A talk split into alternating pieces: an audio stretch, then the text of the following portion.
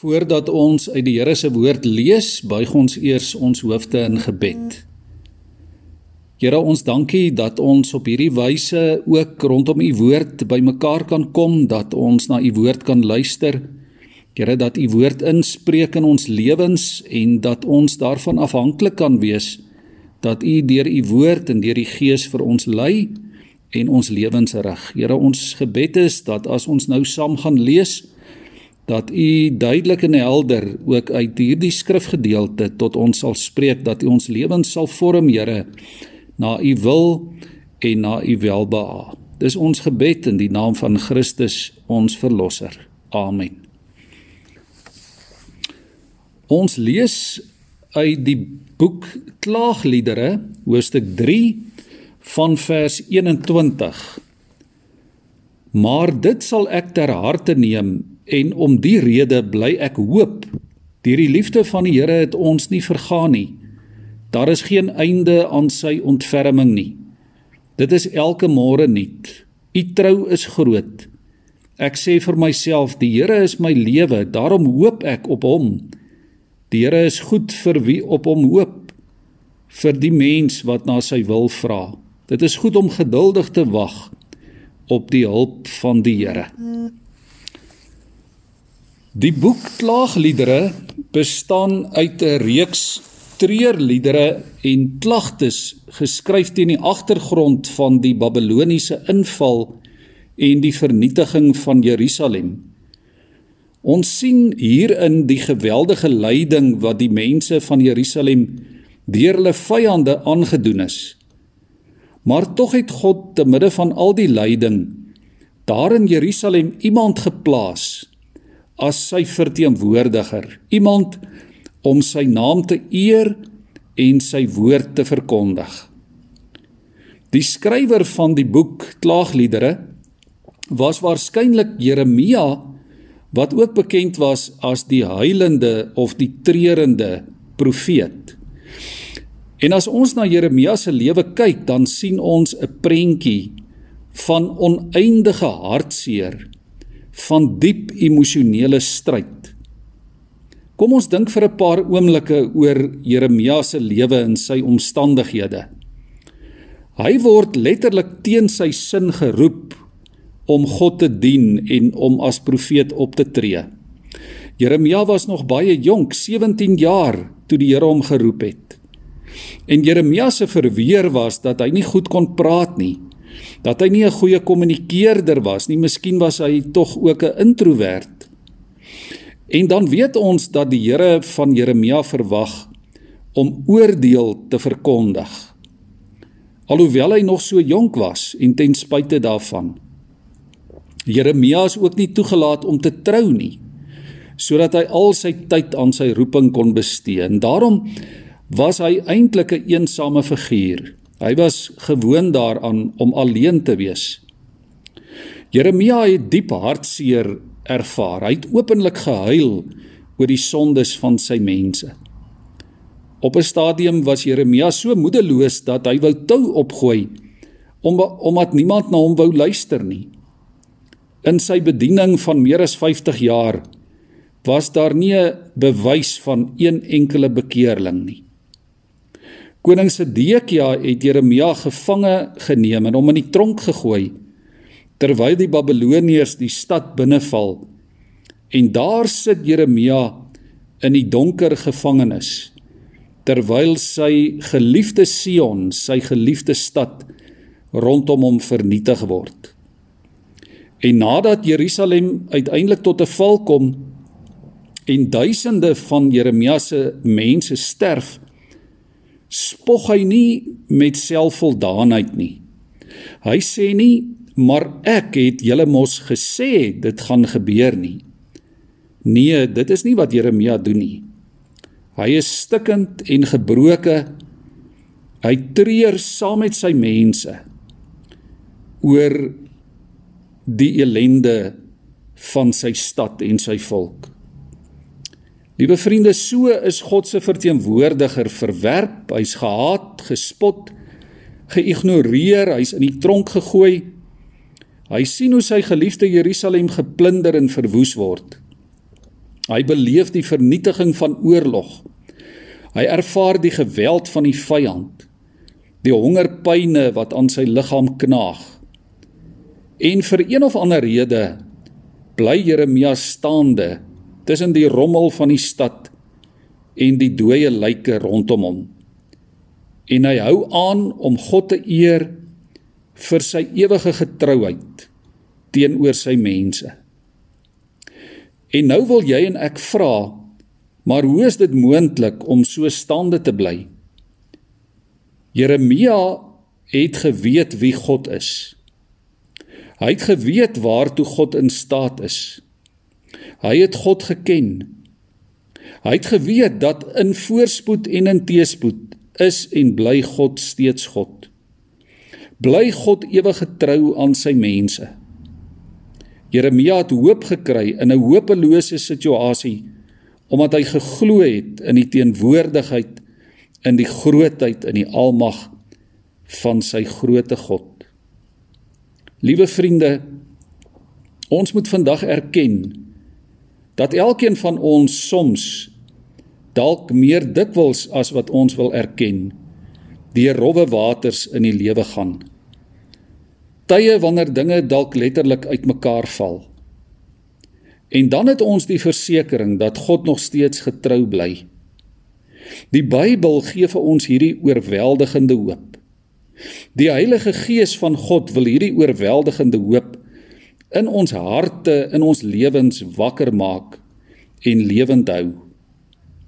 Die woord wat hier gebruik word, die woord trou of getrouheid in vers 23 beteken standvastig, onveranderlik, vas en seker.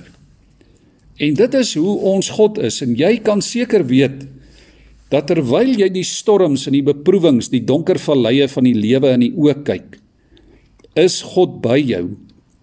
Bly hy getrou en sal hy jou vashou.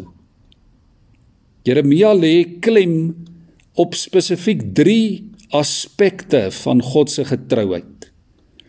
In die eerste plek sê Jeremia God is getrou in sy genade.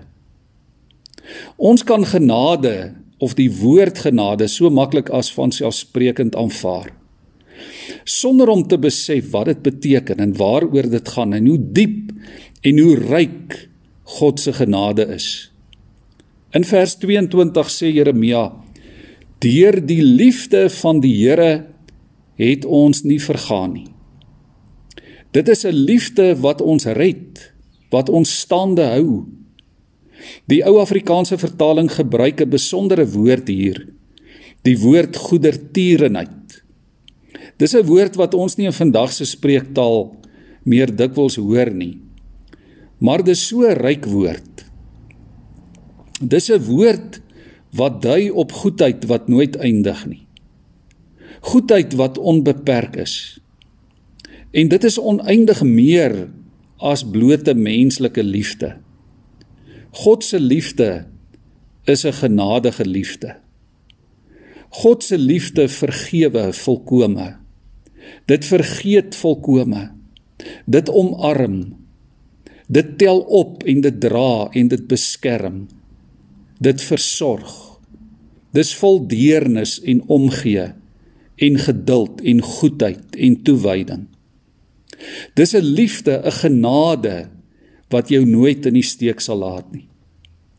As jou en my verlossing afgehang het van ons eie goedheid, van ons eie vermoëns, van ons eie insig of ons eie kennis of ons vermoë om onsself te help of onsself te red, dan was ons almal verlore. Jy word gered en vasgehou deur God se oneindige onveranderlike genade. 1 Petrus 1 vers 5 sê Julle word deur die krag van God veilig bewaar vir die saligheid wat aan die einde van die tyd geopenbaar sal word. God, die God wat jy en ek aanbid, die God wat jou roep om hom te dien en te volg, is getrou in sy genade. In die tweede plek lê Jeremia klem daarop dat God getrou is in sy gawes. Ons kan ook die woord barmhartigheid gebruik. God is getrou in dit wat hy gee. Hy het 'n oop hart, 'n barmhartige hart. Vers 22 sê ook: Daar is geen einde aan sy barmhartigheid, aan sy ontferming nie. Daar is geen einde aan sy genadige liefde nie. Die woord wat gebruik word beteken dat God in sy hart, in sy wese geraak word deur jou en my nood, deur sy liefde vir ons. Jy trotseer nie alleen die storms van die lewe nie. Die Here God gee vir jou wat jy nodig het. Hy beloof nie dat hy altyd die storms gaan wegvat nie. Maar hy beloof dat sy genade vir jou genoeg is dat hy sy barmhartige omgee deernisvolle hart vir jou sal oopmaak. Hy gee die gawe van sy teenwoordigheid. Hy is by jou al kan jy hom dalk nie sien nie. In Matteus 28 vers 20 sê hy, sê die Here Jesus, beloof hy, ek is by jou al die dae tot die volëinding van die wêreld. Hy gee aan jou die krag van sy teenwoordigheid maar hy gee ook aan jou die gawe die krag van sy gees. God beloof dat die Heilige Gees vir jou sal sorg. Hy is groter as enige krisis wat jou konfronteer. Die Here gee ook aan jou die gawe van sy voorsiening. God ken jou behoeftes. Hy wil jou daarin tegemoetkom. Hy sal doen wat hy beloof. Nie soos jy wil nie, maar soos hy wil soos hy weet vir jou goed is. Jy moet glo dat hy jou beste belange op die hart het. Filippense 4 vers 19 sê die Here: God sal in elke behoefte van julle ryklik voorsien volgens sy wonderbaarlike rykdom in Christus Jesus. God gee aan jou sy teenwoordigheid. Hy gee aan jou die krag van sy gees Hy gee aan jou sy voorsiening en hy gee ook homself aan jou as gawe. In Maleagi 3 vers 6 staan daar: Ek die Here het nie verander nie. Daarom het julle nie te gronde gegaan nie. God gee homself aan jou as die onveranderlike God. Die God wat getrou bly in sy liefde en genade. Hebreërs 13 vers 8 sê Jesus Christus is gister en vandag dieselfde tot in ewigheid. God verander nie. Hy bly in die eerste plek getrou aan homself. Hy sal jou daarom ook nooit in die steek laat nie. Jeremia lê in die derde plek klem daarop dat God getrou is in sy goedheid. Hy is altyd getrou in dit wat goed is vir die lewens van sy kinders. Vers 24 sê die Here is my lewe. Dit beteken die sin, die waarde, die doel, die betekenis van my lewe is in God. Die betekenis van jou lewe is in God. Ook te midde van storms en uitdagings is God jou beloning. Al wat jy nodig het is God. Al wat jy nodig het is sy teenwoordigheid. Hy is die bron, die fontein van jou lewe. Liewe vriende, hoor vandag die woord van die Here. God sal die wat hulle vertroue in hom stel, nooit ooit in die steek laat nie. Onthou dit in hierdie tyd en wêreld waarin ons leef. Onthou dit as jy worstel met siekte, en met die onsekerhede van die lewe. Onthou dit in jou gesinslewe, in jou familiekring, in jou huwelik, in jou verhouding met jou kinders, met jou ouers. Onthou dit as bejaarde wat in die skemerkring van die lewe beweeg. Onthou dit as jong mens wat dikwels sit en worstel met baie vrae en onsekerhede. Wat gekonfronteer word deur al die uitdagings in hierdie lewe. Onthou elke oomblik, hoor die woord van die Here. Jou God sal jou nooit in die steek laat nie. As jy na hom toe kom vir redding, sal hy jou nooit wegstuur nie. Hy sal jou nooit teleurstel nie. Die feit dat hy jou nooit in die steek sal laat, nie beteken dat hy juis die krag van sy gees, sy teenwoordigheid vir jou gee om dit vir jou moontlik te maak om die pad van die lewe met volharding te loop. Jesaja 49 vers 23 en dit word herhaal in Romeine 10 vers 11 sê die Here wie op my vertrou word nie teleurgestel nie. Vers 26 sê hy is jou redder. Dit is goed om geduldig te wag op die hulp van die Here sê klaagliedere want op sy tyd volgens sy wil op sy manier volgens sy groot raadsplan sal hy vir jou uitkoms gee. Hoor die woord. God weet waar jy vandag in jou lewe is. God weet wat jy ervaar. God ken jou vreugdes dit wat jou opgewonde maak. Maar God weet ook van jou vrese van jou onsekerhede Daarom weet hy wat jy nodig het. Hy sal jou nie in die steek laat nie. Hy sal jou getrou bewaar.